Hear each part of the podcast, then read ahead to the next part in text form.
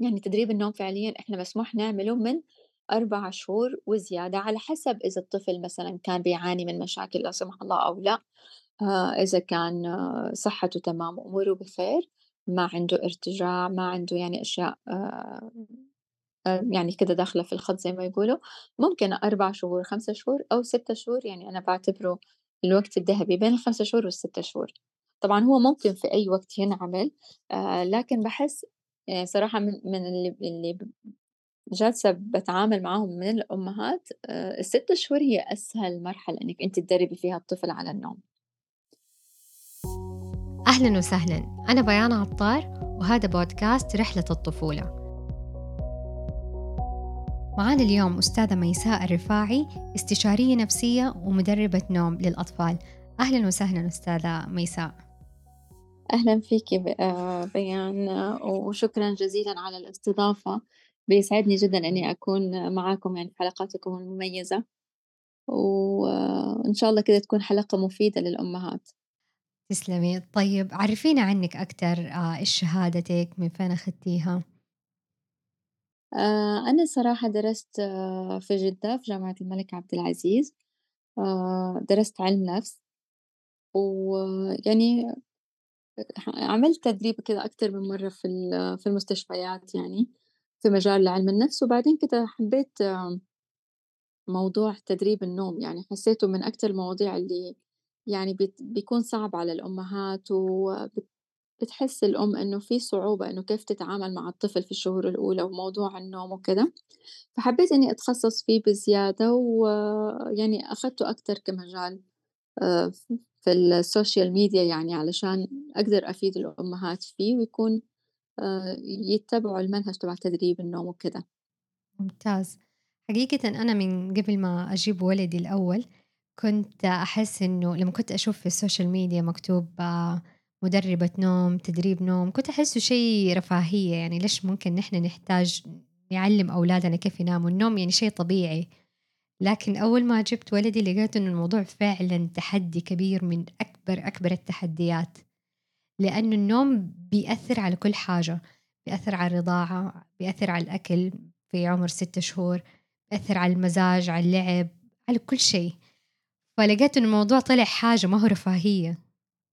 صح، صح 100% فعلًا هي من أكتر الأشياء اللي شدّتني لده الموضوع تمامًا النقاط اللي ذكرتيها، لأنه شعرت إنه لمّا بت ب بالاقي الأم إنه مثلًا يعني تجاهلت ده الموضوع أو قالت إنه صعب أو it's okay كل الأطفال ما بيناموا، فباشعر إنه هي من كل الجوانب ما هي مرتاحة، لا الطفل عنده وقت كده مبسوط مرتاح مستعد إنه هو يستقبل أي شي منها، يتعلم أي شي، فلا حتى غذاؤه مضبوط، آآ حتى مزاجه، تواصله معاها بيكون ضعيف، يعني حسيت إنه من جد من ال الشي اللي ساعدني في حياتي مع مع أطفالي واللي خلّاني إني أقدر أتفاعل معاهم وأطوّرهم وأحس إنهم من جد منظمين، آآ هو موضوع النوم. لأني ضب يعني كان موضوع النوم عندي جدًا مهم ومُقدّس، فحسّيت إنه باقي ال الأمور خلاص كلّها ما شاء الله مشيت معايا بشكل آآ ممتاز من ناحية الوجبات، الرضاعة، ال أوقات النوم، آآ يعني كل هذه الأمور زي ما ذكرتِ تمامًا فعلًا خلاص مشيت في خطّها السليم، والطفل قاعد يتطوّر بشكل الحمد لله جدًا جيد آآ مقارنةً بباقي الأطفال اللي اللي كانوا دائمًا يعني في ال يعني عارفة أنتِ ك سبحان الله كل ما كل ما بتجيبي طفل بيكون في العائلة أطفال أقران ليه بيكونوا قريبين، فكنت أحس أحس إنهم مميزين يعني الحمد لله بفضل ده الشيء، بفضل الله عز وجل أكيد أولًا، وبعدين ب حسيت إنه تأثير النوم كان له أثر كبير يعني عليهم. طيب النوم في الشهور الأولى من الولادة خلينا نقول من آه، أول يومين من ولادة الطفل هل بإمكاننا إن نحن نبدأ تدريب نوم من هذه اللحظة ولا تدريب النوم يجي بعد فترة؟ آآ هو الحقيقة في البداية كتير أمهات بيحسّوا إنه يعني موضوع ال النوم جدًا سهل. لأنه أول ما بيتولد الBaby سبحان الله آآ مع الولادة بيسحب كمية ميلاتونين كبيرة من جسم الأم،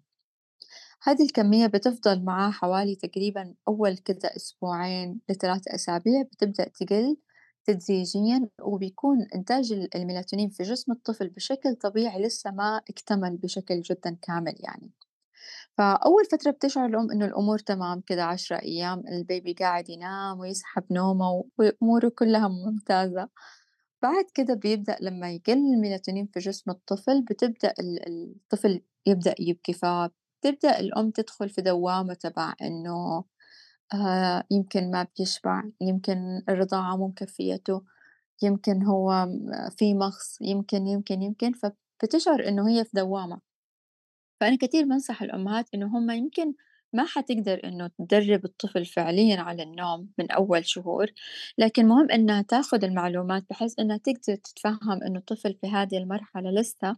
آآ مو قادر ينام من من نفسه، يعني آآ هو أساسًا لسه ال الهرمون ما تحفّز في جسمه، فما حيعرف إنه ينام آآ لوحده بدون مساعدة.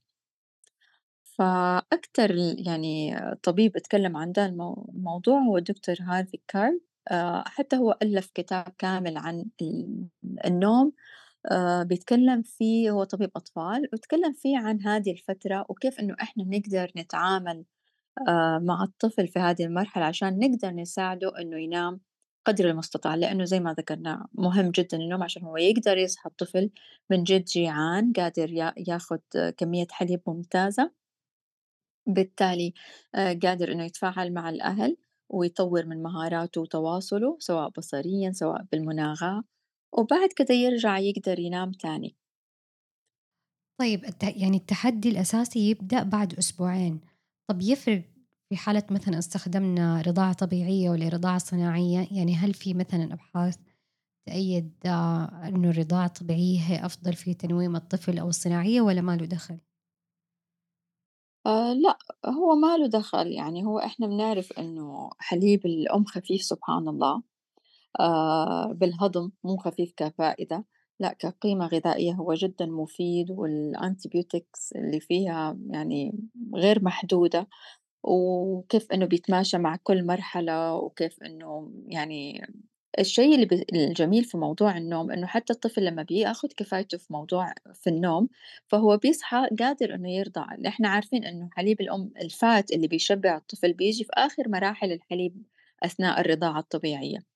فكل ما الطفل قدر ينام ويشبع نوم بالتالي حيصحى من جد جيعان حيقدر يرضع كميات مناسبة توصله للفات اللي موجود في حليب الأم فهذا الشيء حيخليه آه، خلاص يمشي في السيستم مريح بالنسبة لي لكن أحيانا لما بتدخل الأم في دوامة إنه ما هو عارف ينام حيرضع شوية ياخد أول الحليب اللي هو عبارة عن سوائل تشبه الماء آآ بعد كده حيبطّل رضاعة، حيدخل إنه ينام شوية، يرجع يصحى، يرجع ياخد حليب تاني، هذه دوامة حي حتبلش تلخبطه وما تخلّيه عارف ياخد كميات حليب يعني صحيحة من الأم. طيب أستاذة ميساء، كيف نجعل وقت النوم أطول بتقطعات أقل خصوصًا مع الرضاعة سواء رضاعة طبيعية أو صناعية؟ آآ الحقيقة هذه من الت من التحديات يعني اللي بتواجه الأم، لأنه يعني لمّا الأم بتاخد قرار الرضاعة الطبيعية آآ حنحطها في البداية، بيكون آه، يعني آآ صعب عليها شوية، لإنه إحنا عارفين إنه الرضاعة الطبيعية ممكن تواجه أكتر من من شي يحتاج إنه يعني مثلًا قفزات النمو تحتاج الأم إنها تزوّد عدد الرضعات، إذا قل حليبها هي حيتطلب منها إنه تزوّد ال الرضعات، إذا لا سمح الله الطفل شوية تعرّض لوعكة صحية أو حست إنه في زكام، كمان بيقولوا لها إنه ما عليه زوّدي الرضعات عشان يبدأ يتحسن أسرع، لإنه بيكون الantibiotic اللي موجود في حليبها يعني بيساعده إنه ي يتعافى بشكل أسرع ويعوّض السوائل اللي بت يعني بيخسرها، لكن يعني إحنا بنقدر إنه شوية، شوية نبدأ ننظّم الساعات، يعني تنظيم الرضاعة هو الشي اللي حيوصّلنا لإنه تقدر آآ يعني تنظّم تقلل عدد استيقاظات الطفل في الليل. آآ ممكن إنها حتى تختصر على موضوع تنظيم الرضاعة ليل ليلًا أكتر من نهارًا، يعني ممكن تخلّي الرضاعة في الصباح تكون مفتوحة، لكن في الليل تبدأ نوعًا ما تباعد بعد بين فترات الرضاعة حتى إنها توصل نوعًا ما لتنظيم، ويبدأ الطفل تتعود معدته إنه هو مثلًا في عنده آآ رضعات آآ بال بأوقات محددة. حتى هو سبحان الله بيقول لِك إنه أنتِ مع الاستمراري الاستمرارية في إنِّك أنتِ تكتّري رضعات النهار، هذا الشي بتخلّي الطفل يكتسب الcalories اللي هو محتاجها، يعني إحنا عارفين إنه كل إنسان عنده عدد من الcalories بيحتاجها في خلال ال24 ساعة، فأنتِ لو مع الاستمرار طبعًا في البداية بتكون معدته جدًا صغيرة، لكن يوم ورا يوم كل ما أنتِ كثّفتِ آآ رضعات النهار وقلّلتِ شوية تدريجيًا رضعات الليل، هذا الشي حيساعده إنه هو ينضبط بإنه ياخُد الcalories اللي هو محتاجها آآ خلال اللي مثلًا ال12 ساعة النهارية يعني اللي في ال اللي في النهار، وتبدأ تقِل وتتنظّم تبعات الليل. حلو، آآ موضوع الرضاعة الصناعية نفس الشي، يعني أنتِ كل ما حاولتِ إنِّك تزوّدي رضعات النهار وت وتباعدي وتباعدي بين رضعات الليل، حتوصلي بإذن الله لهذه النتيجة بإنه هو يقدر يكون نومه متواصل ليلًا بشكل أطول يعني وأكتر. طب فلنفترض إنه الطفل شبعان، أخد الحليب كفاية،. وخلّينا نقول الحفوضة نظيفة، مع ذلك رافض إنه هو ينام أو بيبكي، إيش ممكن يكون في أسباب تمنع الطفل من النوم؟ آآ زي ما ذكرنا إنه أهم شيء إنه هو فعليًا الطفل في هذه المرحلة ما بيعرف ينام، آه، هو فعليًا يعني طبيعي، sorry؟ يعني طبيعي، أيوه طبيعي جدًا، لإنه هو أساسًا لسه ما اكتسب مهارة النوم، بالإضافة إنه هو ما عنده الهرمون في جسمه اللي يخلّيه يقدر ينام، فعلشان كده الدكتور هارفي كارب اقترح إنه إحنا نساعد الطفل بالنوم بنقاط هو ذكرها اللي هو بيعتبر ال5 S's هو هو بيسميها إنه أول واحدة إنه الطفل محتاج إنِّك آه، تعملي له ال الswaddle اللي يكون في القُماط. الحاجة التانية آآ ال إنه الطفل محتاج إنه يمُص، لإنه يعني هو يعني فكرته الأساسية إنه هو يوفّر للطفل بيئة آآ نفس بيئة ال الرحم نوعًا ما، دحين إمم، كتير أمهات بينتقدوا بيقولوا لِك إنه لأ كيف إنه خلاص الطفل خرج لازم يتعوّد إنه هو خارج الرحم. أكيد هو أنتِ قد ما حاولتِ إنِّك توفّري ما حتقدري توفّريه 24 آآ ساعة. آآ بنفس الطريقة اللي كان هو موجود فيها داخل رحمِك، لكن نوعًا ما لشعوره بالأمان؟ السواddle ال القُماط، المَص، ال الهَز الخفيف، آآ وضعية الطفل على على الجنب، كل هذه الأمور بتساعد الطفل إنه يقدر يعني ال الضوضاء البيضاء، هذه ال5 نقاط اللي هو دائمًا بيذكرها إنه إحنا لو وفّرناها في محيط الطفل هذا الشي حيساعده إنه يرجع ينام، يقدر يعني يدخل في mood النوم زي ما بيقولوا. آآ لكن يعني أكيد أنتِ ما حتوفّري هذا الشي طول الوقت، ما حتقدري أساسًا، وكمان لمّا بيستيقظ من النوم خلاص حتفكيه من القُماط وحتبدئي تتواصلي معاه وت وتغيّري الحفاض ويكون في وقت للراحة والرضاعة واللعب، وبعد كده لمّا تشعري إنه هو بدأت عليه علامات النَعَس وال إنه خلاص بدأ يعني زي ما بيقولوا في ال نافذة الاستيقاظ بيسموها،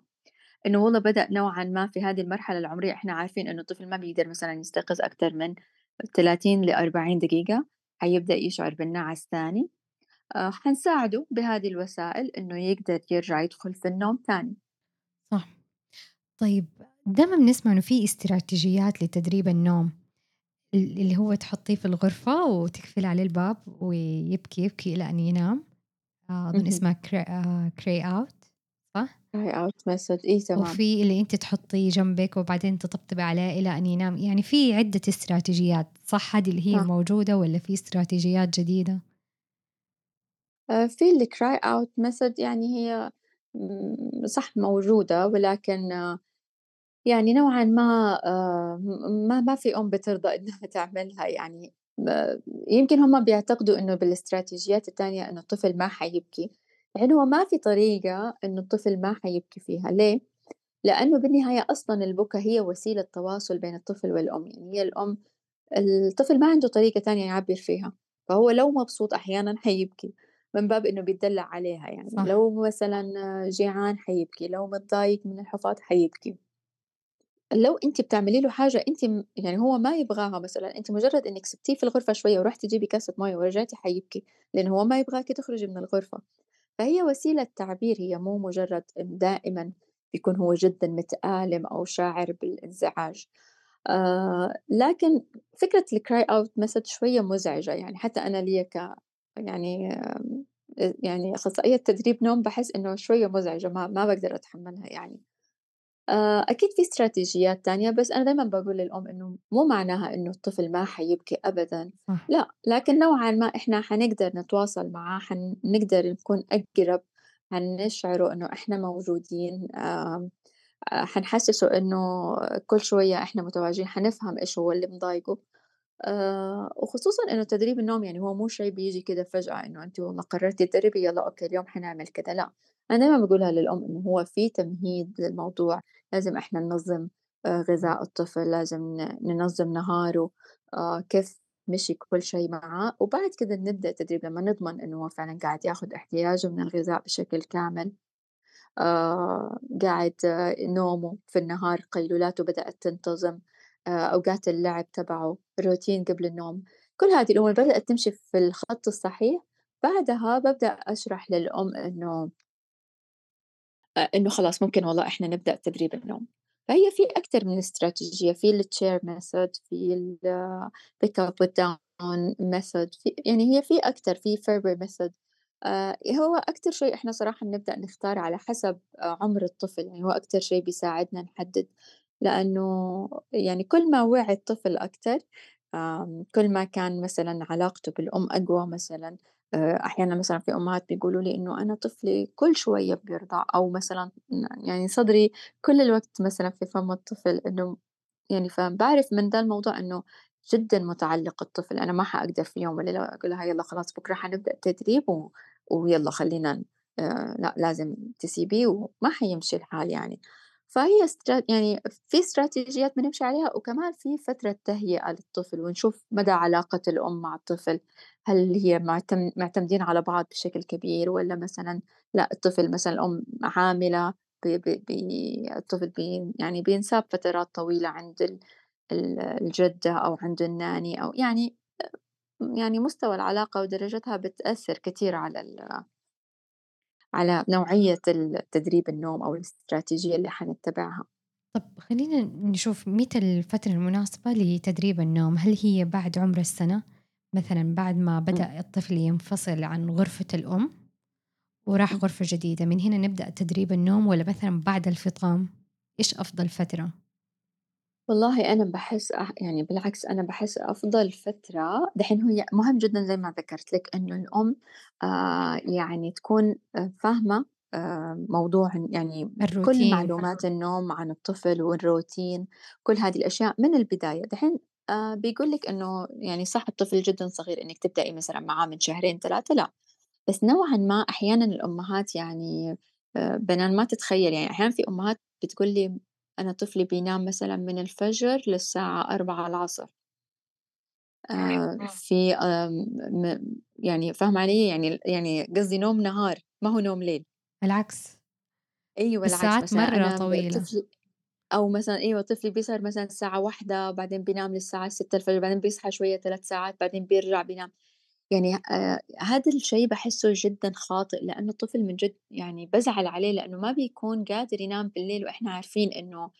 الخلايا العصبية والخلايا الجسدية وكل التطوّر اللي بيصير بالطفل بيصير من أول نوم الليل لل لل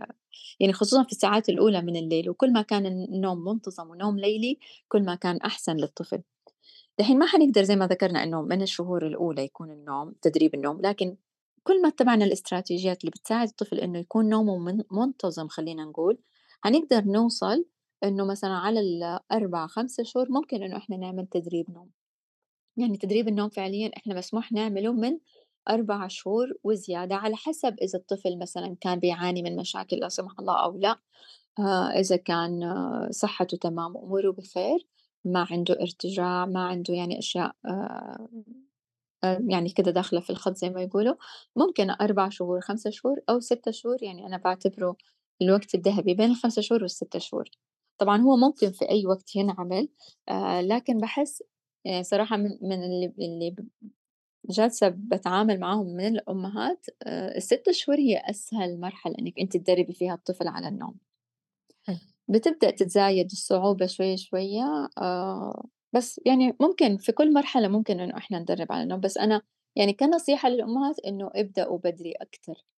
حقيقي أنا أولادي كلّهم يعني عملت على ال6 شهور وكان جدًا مريح يعني وما بياخد وقت أبدًا آآ التدريب عند الطفل يعني. طيب دحين أنا باسألِك إيش هي الاستراتيجيات؟ من أول يعني متحمسين نعرف إيش هي الاستراتيجيات، كم عددها؟ يعني هي 3، 4 استراتيجيات، والمفضلة عندِك اللي بتلاقيها مريحة للأم، مريحة للطفل، فيها خلّينا نقول بكاء أقل نوعًا ما؟ آآ دحين هو الحقيقة في يعني زي ما ذكرت لِك في طريقة Ferber method في الcry out method أكيد يعني في ناس بيتبعوها آآ خصوصًا إذا الأم مضغوطة ويعني خلاص تبغى يعني بس أحيانًا في أمهات مضغوطين بيكونوا بسفر وحابين إنه ينظموا الطفل عشان يقدروا يداوموا ويبدأ شغلهم وعملهم يعني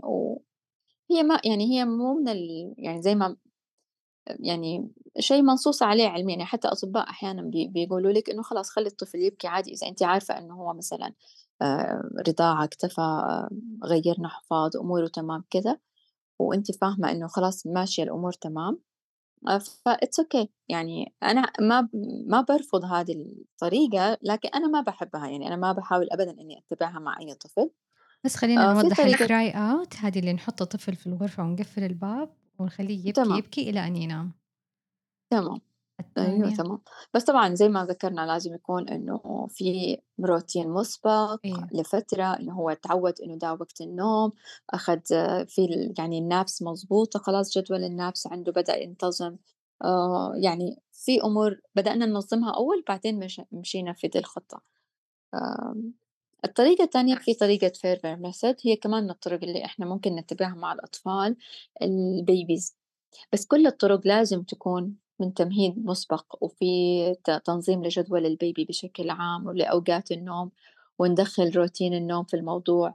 آه، روتين النوم جدا جدا مهم. يعني أنا من أكثر الأشياء اللي ببدأ فيها ممكن من ثلاثة شهور من شهرين ونص من لما الأم تبدأ تشعر نفسها ارتاحت راحت آلام الولادة بدأت يعني نوعا ما هي الرضاعة استقرت كذا ببدأ بنصح الأم إنها تبدأ تعمل روتين ما قبل النوم في الليل وتبدأ تشعر يعني تشعر الطفل إنه ال الليل غير النهار، يعني خلاص إنه على ال07:00، 08:00 إحنا بدأنا نعمل روتين،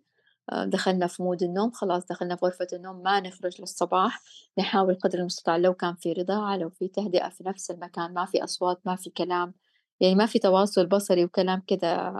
حميمي بين الأم والطفل، وفي النهار لأ، نبدأ أجواء مختلفة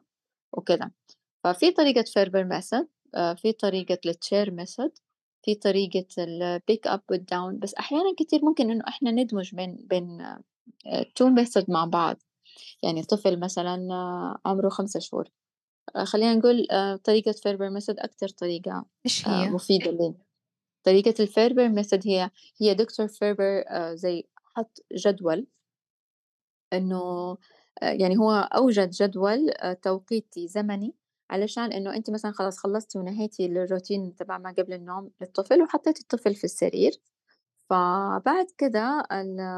في توقيت، هو بيقول لِك إنه أنتِ لازم تتدرجي ب بزيادة الوقت مع الطفل، يعني مثلًا حطيتِ الطفل مثلًا بعد 3 دقايق لا تدخلي عند الطفل إلا بعد 3 دقايق، ادخلي طمنيه، هدّئيه، آآ حاولي إنه ما يكون في eye contact بينِك وبينه، وبعد كده انسحبي. وهكذا. آآ لمدة المرّة كم لا تدخلي إلا مثلًا بعد 5 دقايق، المرّة sorry؟ لمدة كم يعني مث أعمل هذه الطريقة خلال نُص ساعة والّا ساعة والّا إلى أن ينام؟ أيوه، أيوه خلال إلى أن ينام طبعًا، هي إلى إلى أن ينام، لو ما نام تزيدي بالوقت تدريجيًا. لو ما نام بعد إلا بعد ساعتين؟ بعد 20 دقيقة صراحة عادةً يعني لمّا بيكون الأم متابعة معايا وإحنا منظمين جدول القيلولات والروتين بدأت الأم اللي الطفل ليه مثلًا 5، 6 أيام معتاد على روتين النوم، وصار وقت النوم عنده مثلًا على الساعة 07:00 عادةً ما بياخد يعني أكتر ك يعني مستحيل إنه يفضل لساعتين ما ينام. آه، يعني ما باقول لِك لإنه هو الموضوع بيكون يعني خلاص إحنا لينا فترة يعني لينا مثلًا حوالي أسبوع وإحنا بننظّم في مواعيد النوم، في ال في آآ في الروتين ما قبل النوم، بنشوف إيش اللي مناسبه، كيف الرضعات قاعد ياخد كفايته، بيشبع، وزنه أصلًا، كمان الوزن بيلعب دور في إنه إحنا نبدأ أو لأ آآ في موضوع تدريب النوم، يعني الطفل اللي اللي وزنه أقل من 8 كيلو إحنا ما بنقدر نبدأ معاه تدريب نوم. آآ لإنه بيكون أيوه، بيكون صعب عليه وبيكون عنده استيقاظات أكتر من المُعتاد يعني، ممكن إنه نهيّئه كده لكن مو إنه يكون تدريب، تدريب يعني ما حنقدر ناخُد واحدة من الmethods نبدأها معاه. تمام. دحين إحنا شرحنا طريقتين،. طيب دحين ال هي الثالثة حقت الchair method الchair method هي إنِّك أنتِ تكوني قريبة من الطفل، من سرير الطفل. وإنِّك تكوني يعني بتتواصلي معاه، يعني آآ مث هي إيش المشكلة؟ هي المشكلة إنه كل طفل معتاد على طريقة نوم، فمثلًا اللي معتاد على اللهاية، اللي معتاد على الرضاعة، اللي معتاد على الهَز، فهي الفكرة ليه ليه الطفل حيبكي؟ لإنه أنتِ مثلًا حتسحبي منه هذه الطرق، لإنه طول ما في وسيلة بتساعد الطفل على النوم هو ما حيعرف ينام، هو بهذه ال المعنى ما اكتسب آآ مهارة النوم لوحده، ما هو عارف يدخل في النوم لوحده. ف آآ، فطريقة الTchems فيها إنِّك أنتِ تكوني قريبة بكرسي جنب سرير الطفل، آآ، تحاولي إنِّك تهدّئيه وت وت آه، وتلطّفي الجو يعني قدر المستطاع، وإنِّك ما تعطيه الشيء اللي معتاد ينام يعني عليه، يعني أوكي معتاد ينام على الرضاعة، لأ تكون الرضاعة بشكل منفصل قبل النوم. عادي لو أنا هذه الطريقة باعملها بس ولدي عمره 3 سنين، عادي والّا يعتبر إنه ما ينفع أعملها في هذا العمر؟ آآ، 3 سنين إلا هي م صراحة أكتر شي بانتبه مع الأطفال اللي وعيهم يعني آآ يعني آه، خلاص زاد يعني مثلًا 6 شهور الوعي قليل، ما حنقدر نتبع مع هذه الطريقة لإنه ما حيستوعب أساسًا أنتِ إيش بتعملي أصلًا، ليه أنتِ قريبة وقاعدة تشيليني وتحطيني كل شوية، أمّا الطفل الكبير لأ هو محتاج أمه، مو مو فاهم أنتِ آآ مو فاهم أنتِ أساسًا ليه بطّلتِ ترضعيه آآ أو بعد 3 سنين، يعني أنتِ كنتِ كل 3 س مثلًا مو أنتِ مثلًا أي أم مثلًا، أنتِ ليه فجأة بعد سنتين كنتِ طول الوقت بترضعيني عشان أنام وفجأة بطّلتِ، أو كنتِ مثلًا بتهزّيني لمدة سنة ونُص وبعدين فجأة تعبتِ وما صِر يعني ما هو فاهم إيش الconcept ده، فأنتِ أكيد بتساعديه ب بالأشياء اللي ذكرناها. آآ لكن بنفس الوقت هو محتاج وجودِك جنبه أكتر عشان يستوعب إنه أنتِ ما سِبتيه، ولكن هو هذا الشي بالذات الآن صار ممنوع، يعني أنا معاك، أنا متواجدة معاك، أنا فاهمة إنك أنت محتاجني، لكن إحنا خلاص وقّفنا رضاعة مثلًا أو إحنا وقّفنا هزا أو وقّفنا آآ اللهاية مثلًا، فهو محتاج دعم مثلًا لمدة بس هي هذه الأشياء كمان لازم تكون تحت تدريج منتظم، يعني. ما حتقدري تفضلي معاه مثلًا كل يوم، كل يوم. ال الchair method هي بتعتمد إنِّك أنتِ بتنسحبي تدريجيًا آآ كمان بفترة زمنية، يعني فهو مثلًا هذا آه، فهو هذا الطفل ينام. أجلس، بعدين الأسبوع اللي م بعده يصير 5 أيام، اللي بعده 4 أيام. تمام. أيوه إمم، تمام، وبعدين تقللي الوقت تدريجي على حسب يعني كل طفل، يعني مثلًا في أطفال لأ خلاص مثلًا بس 3 أيام بيكون قريب ال السرير آآ على الكرسي من السرير وبتكون الأم بتتواصل معاه، يعني الطفل الواعي إحنا أصلًا بنتعامل معاه غير، بنحاول من قبل نبدأ مثلًا التوعية غير عن تنظيم النوم وأوقات النوم والغذاء وكده، كمان بيكون في زي برنامج توعية من الأم، يعني أنا باقولها للأم لازم تورّيه صور وتفهّميه إنه شوف الأطفال بتنام في سريرها لوحدها. آآ ماما وبابا في السرير هنا، مثلًا تحاول تخرّج له صور من الإنترنت، تقول له آآ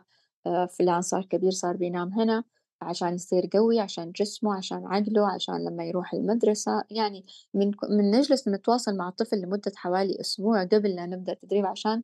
يبدأ يفهم إيش هذا الشي اللي حيصير، لإنه 3 سنين آآ لغته صارت أكتر واضحة، وبيقدر يعبّر يعني، وبيقدر يفهم عليكِ تمامًا حتى بالكلام وبالصور أنتِ إيش بتقصدي.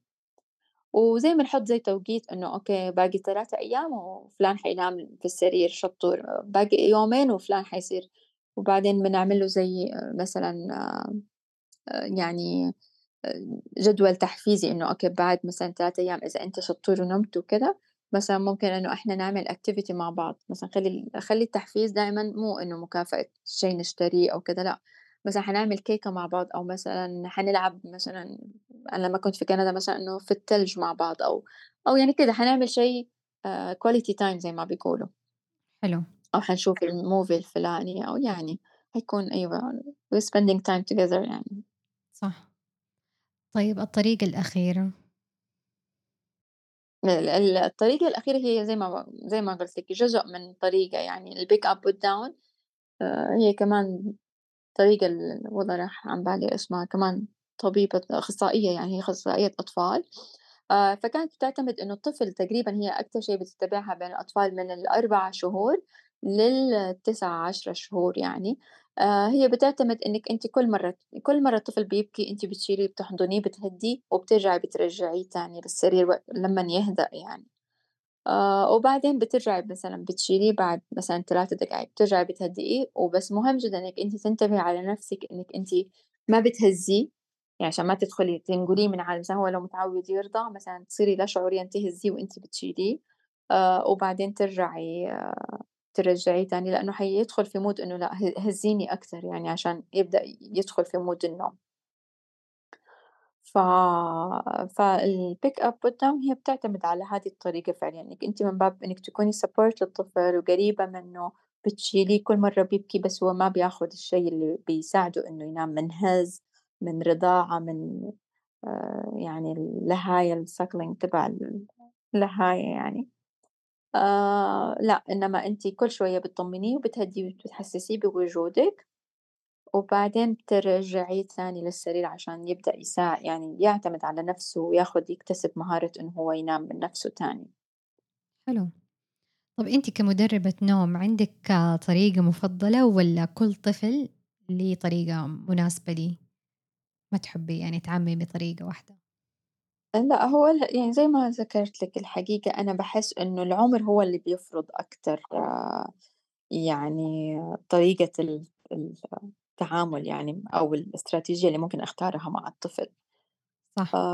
لأنه يعني زي ما ذكرنا إنه لمّا الطفل بيكون جدًا واعي وكبير وكده بيكون آآ يعني ص صعب عليه وبنفس الوقت سهل من ناحية إنه أنتِ في تواصل، في كلام، في لغة إنِّك أنتِ توضّحيها، في صور تورّيه، في كتير أشياء ممكن إنِّك أنتِ تتبعيها معاه، لكن الأصغر ال الوعي أقل، لكن الاستجابة أسرع بتكون. خلاص هذا حيكون سؤالنا الأخير، من أول بتقولي روتين النوم، روتين النوم، إيش هو روتين النوم؟ وهل هو عبارة عن قصة واستحمام ولبس البيجامة والّا في أشياء أكتر من كده؟ أيوه تمام، يعني تقريبًا هو ده، هو فعلًا يعني روتين النوم آآ باعتبره شيء جدًا مهم، ليه؟ لأنه هو باحس إنه زي لغة التواصل بينِك وبين الطفل، يعني الطفل عنده الأوقات نوعًا ما مبهمة، ف آآ إيش الأشياء اللي بتحسّسه بال بال بالوقت؟ هي الرو الروتين اللي أنتِ تتبعيه بالنهار، مع إني أنا صراحة في البداية كأم كن كنت أحس إنه لمّا أقرأ عن هذه الأشياء إنه والله مُمِل يعني. إيش الملل ده؟ كل يوم الطفل لازم يعمل كذا، آآ هذه الأشياء، القراءة القصة وما أدري إيه، بنمط معيّن، بروتين معيّن، بس سبحان الله مع دراستي في علم النفس يعني حسّيت إنه لأ، هذه الأشياء بتساعده إنه يفهم الدنيا، يعني أنتِ كمان كشخص آآ صعب عليكِ ما بتعرفي الوقت، تخيلي إنِّك أنتِ مثلًا ما في ساعة، كل شوية أحد بيشيلِك من مكان بيحطِّك في مكان، الآن وقت الأكل، الآن وقت ما أدري إيه، يعني حتحسّي بال بال يعني بعدم الارتياح لإنه أنتِ ما في شيء ثابت في نهارِك. آآ لا شعوريًا سبحان الله أي إنسان مُنتِج وبيحقق أشياء في حياته بيلجأ على طول بإنه هو ينظّم نهاره بشكل آآ يتناسب مع الإنتاج اللي هو حابب يعمله في في يومه. فكيف أنتِ حابة إنِّك أنتِ إن يعني إحنا بنتعامل مع طفل حابين نخرّج أحسن طاقاته صح، ويعني أكتر شيء مفيد منّه، فكيف ممكن إنِّك أنتِ تخرّجي هذا الشيء منّه؟ آآ بغير من إنِّك أنتِ تنظّمي يومه وتعطيه أكتر شيء من كل حاجة، يعني أفيد شيء من النوم، أفيد شيء من الغذاء، أفيد شيء من وقت اللعب والquality time مع الأم والتواصل والكلام وتطوير اللغات و ال ال اللغة يعني تبعه أقصد والتواصل. آآ كل هذه الأشياء مرتبطة ببعض زي ما ذكرنا في بداية كلامنا، فهو محتاج إنه يعرف الأوقات، طب كيف مس يعني زي ما باقول لِك دايمًا إنه لأ ي ال الوقت حتزعجيه لمّا تشيليه على طول تقولي له مثلًا يالّا نغيّر الحفاض، حتلاقي حتى أحيانًا لمّا بيصيروا في عُمر إنه هم يعبّروا بيصيروا يجروا منِّك، إمم، صح، ما بيرضوا فكرة تغيير الحفاض هذه بيرفضوها، ليه؟ لإنه هو أصلًا ما اتمهّد له. آآ إحنا كتير أحيانًا بننسى إنه هم صح أطفال، لكن جدًا بيهمهم إنِّك أنتِ تتواصلي معاهم، آآ أحيانًا الأهالي بي بيعتقدوا إنه ما حيفهم علينا، إنه مو لهذه الدرجة، لأ صدقيني مع الوقت حيبدأ يش يفهم، يا ماما الآن وقت الأكل، أو من من نبرة صوتِك، من كلامِك، آآ من ال التجهيز الصحن، يعني أنا دايمًا باقول للأم إنه أنتِ لمّا تجهّزي له الوجبة آآ حطيه قدّامِك، ابدئي حطي له الصحن، الملعقة، يلعب فيها على بال ما أنتِ تجهّزي الأكل، هو حيبدأ يتح يعني يتحمّس للموضوع، مثلًا آآ خلطتِ حاجة يعني خلّيه يدوق بطرف آه، إصبعِك إنه ال الشي اللي أنتِ بتعمليه، هذا الشي حيخلّيه يتهيأ للوجبة، حتلاقيه أكله بدأ يصير أحسن، حماسه للأكل، تتذوق الأطعمة حيكون أفضل، نفس الشي موضوع النوم. يعني هو محتاج إنه يفهم إنه جا وقت النوم، مو فجأة من وقت اللعب صار وقت النوم، يعني ما حيستوعب إيش اللي صار. فأنا باقول لل للأم إنه الروتين حلو يكون شامل لحواس الطفل، يعني آه، يعني إيه، لإنه هي أي حاجة أنتِ حابة تفهّميها للطفل بتكون آآ شاملة للحواس، يعني يكون مثلًا زي ما ذكرتِ مثلًا استحمام أو تغسيل، مثلًا أحيانًا الأمهات بيقولوا لِك صعب، برد عندنا، مو ممكن كل يوم، أنا مُرهق ليّ جسديًا. استحمام الطفل يوميًا، okay تغسيل، خلّينا نعتمد التغسيل، أنتِ كده لمستِ حاسة اللمس عند الطفل، عملتِ له كده مساج لطيف مثلًا أو مثلًا لبس البيجامة، آآ غيّرنا طبعًا الحفاض لبس البيجامة، أخد الغذاء حاسة ال التذوق. لأنه أخد حليبه أو رضعته الأخيرة مثلًا قبل النوم، خلّينا نقول مثلًا سمع قصة أو موسيقى معيّنة أو أذكار مثلًا في أمهات بيحبّوا يحطّوا أذكار أو موسيقى أو مثلًا قصة يوميًا أنتِ قرأتيها، آآ، ريحة مميزة مثلًا مخصصة لوقت النوم، فهذا الشي كلّه كل ما أنتِ أشركتِ حواس في في هذا الموضوع كل ما هو آآ، بدأ يشعر واستسلم أساسًا خلاص عرف من يومين 3، 4 بدأ يشعر إنه والله آآ خلاص. هذه الخطوات كل يوم بنعملها معناها حييجي بعدها وقت النوم، فبيريّح الطفل وبيريّح الأم، آآ مهم جدًا إنه الروتين ما يكون مرهق للأم لإنه هو حتستمر عليه صراحة فترة طويلة،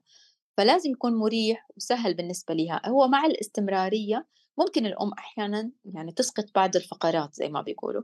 والأيام اللي هي تكون مرتاحة وجالسة في البيت من إلى ممكن إنها تعمل الموضوع كامل يعني ويكون مريح بالنسبة ليها وليه في نفس الوقت، يعني هو quality time بالنهاية. صح. تقريبًا الروتين ياخد مثلًا من 20 دقيقة والّا نُص ساعة والّا ربع ساعة، كام تقريبًا أيوه يعني؟ سؤال سؤال جدًا جميل، فعلًا بيقول لِك مهم جدًا إنه روتين النوم ما ياخد أكتر من 30 دقيقة بحيث إنه يكون مُتعب جدًا للطفل، وما يكون أقل من 20 دقيقة بحيث إنه يكون فعلًا جدًا قصير والطفل ما يعني يعني لإنه أساسًا الخطوات ممكن تعمليها يعني في أي وقت في وسط النهار، فالفكرة في الموضوع إنه لأ، يكون في لها رتم معيّن، توقيت معيّن تشعر الطفل إنه آآ هو ده وقت ال النوم يعني، وإنه هذا الروتين مخصص لوقت النوم خلّينا نقول. أنا سمعت معلومة ما أعرف هي صحيحة والّا لأ، يقولوا إنه الروتين روتين النوم ما ن ما ينفع نعمله. في نفس الغرفة اللي حينام فيها الطفل، نعمله مثلًا في الصالة وبعدين نروح للغرفة وننام، هل هذا الشي صح والّا خطأ؟ والله لأ، أنا ما يعني باعتقد إنه هو مهم جدًا إنه موضوع النوم، موضوع sorry الرضاعة أنا أقصد، إنه يكون منفصل عن وقت النوم، يعني يعني أحيانًا الأمهات بيصير عندهم خلط بعد ما تعمل كل خطوات الروتين آخر شي بتعمل الرضاعة، فبيكون وقت يعني خلاص الطفل أحيانًا كتير هي بتفقد الcontrol وب بتلاقي الطفل نام مع الرضاعة، صح، لكن باقي الأشياء لأ حقيقي أنا باحب إنها تكون آه، بالعكس جوّا ال غرفة النوم. ويعني أنا هذا حتى اللي درسته يعني، وحتى يُفضّل إنه تكون آخر فقرة من فقرات الروتين بيقولوا لِك إنه يكون داخل السرير، يعني ممكن إنِّك تخلّي القصة آخر السرير، مثلًا لعبة مثلًا معيّنة بسيطة تكون ما فيها أص أصوات كتيرة أو شي مثلًا peekaboo أو شي مثلًا بتعمليه معاه بسيط، يكون آخر فقرة تكون جنب ال تكون sorry وهو في السرير يعني عشان يألف السرير، يألف إنِّك أنتِ موجودة مو على طول اتحط ورا ورُحتِ، آآ يعني كده. طيب أستاذة ميساء مرة كانت الحلقة صراحة ممتعة، أخدنا من وقتِك، شكرًا ليكِ. طب لو أحد حابب يتواصل معاكِ بشكل شخصي، ياخد معاكِ استشارة، هذا الشي موجود عندِك؟ أيوه أكيد، أنا يعني هو صراحة أنجح ال يعني في كتير أمهات بيقدروا إنه يقرأوا عن الموضوع قدر المستطاع أو ياخدوا معلومات من الصفحة، ويوصلوا لنتيجة إنهم يعرفوا يدربوا أطفالهم لوحدهم، لكن كمان أحيانًا كتير بيكون بتكون الأم محتاجة إنها المتابعة، يعني أنا مو بس إنه ممكن يكون استشارة، ممكن تكون استشارة ممكن تكون متابعة، يعني أنا باحس أنجح شيء إنه تكون في متابعة مع تدريب النوم، أنا باتابع مع الأم حوالي الأسبوعين ل3 أسابيع علشان نوصل لنتيجة يعني مع بعض آآ خلاص بتكون محتاجة الأم تعرف تفاصيل ويومًا يعني يوميًا تقول لي مثلًا إيش صار مع طفلها أو كيف مشي النهار أو كيف ممكن إنه إحنا نعدِّل بحيث إنه القيلولة مثلًا ما ضبطت أو ما أخدها كاملة أو كيف إنه إحنا نمشّي يعني باقي النهار. فبامشي مع الأم آآ بالاستشارة والتدريب لمدة حوالي أسبوعين ل3 عشان نوصل لنتيجة يعني خلاص تكون الأم راضية إنه فعلًا طفلها انتظم نومه وبدأ ينام نوم ليلي متواصل يعني أثناء أثناء الليل. ممتاز. طيب الله يعطيك العافية وإن شاء الله يعني نستضيفك في حلقات. ثانية ما نستغني عنِك. أهلًا وسهلًا فيكِ نورتيني والله وأنا سعيدة إني أكون يعني من حلقاتكم المميزة وشكرًا ليكِ. شاركونا أسئلتكم ومقترحاتكم على مواقع التواصل الاجتماعي وانتظرونا قريباً.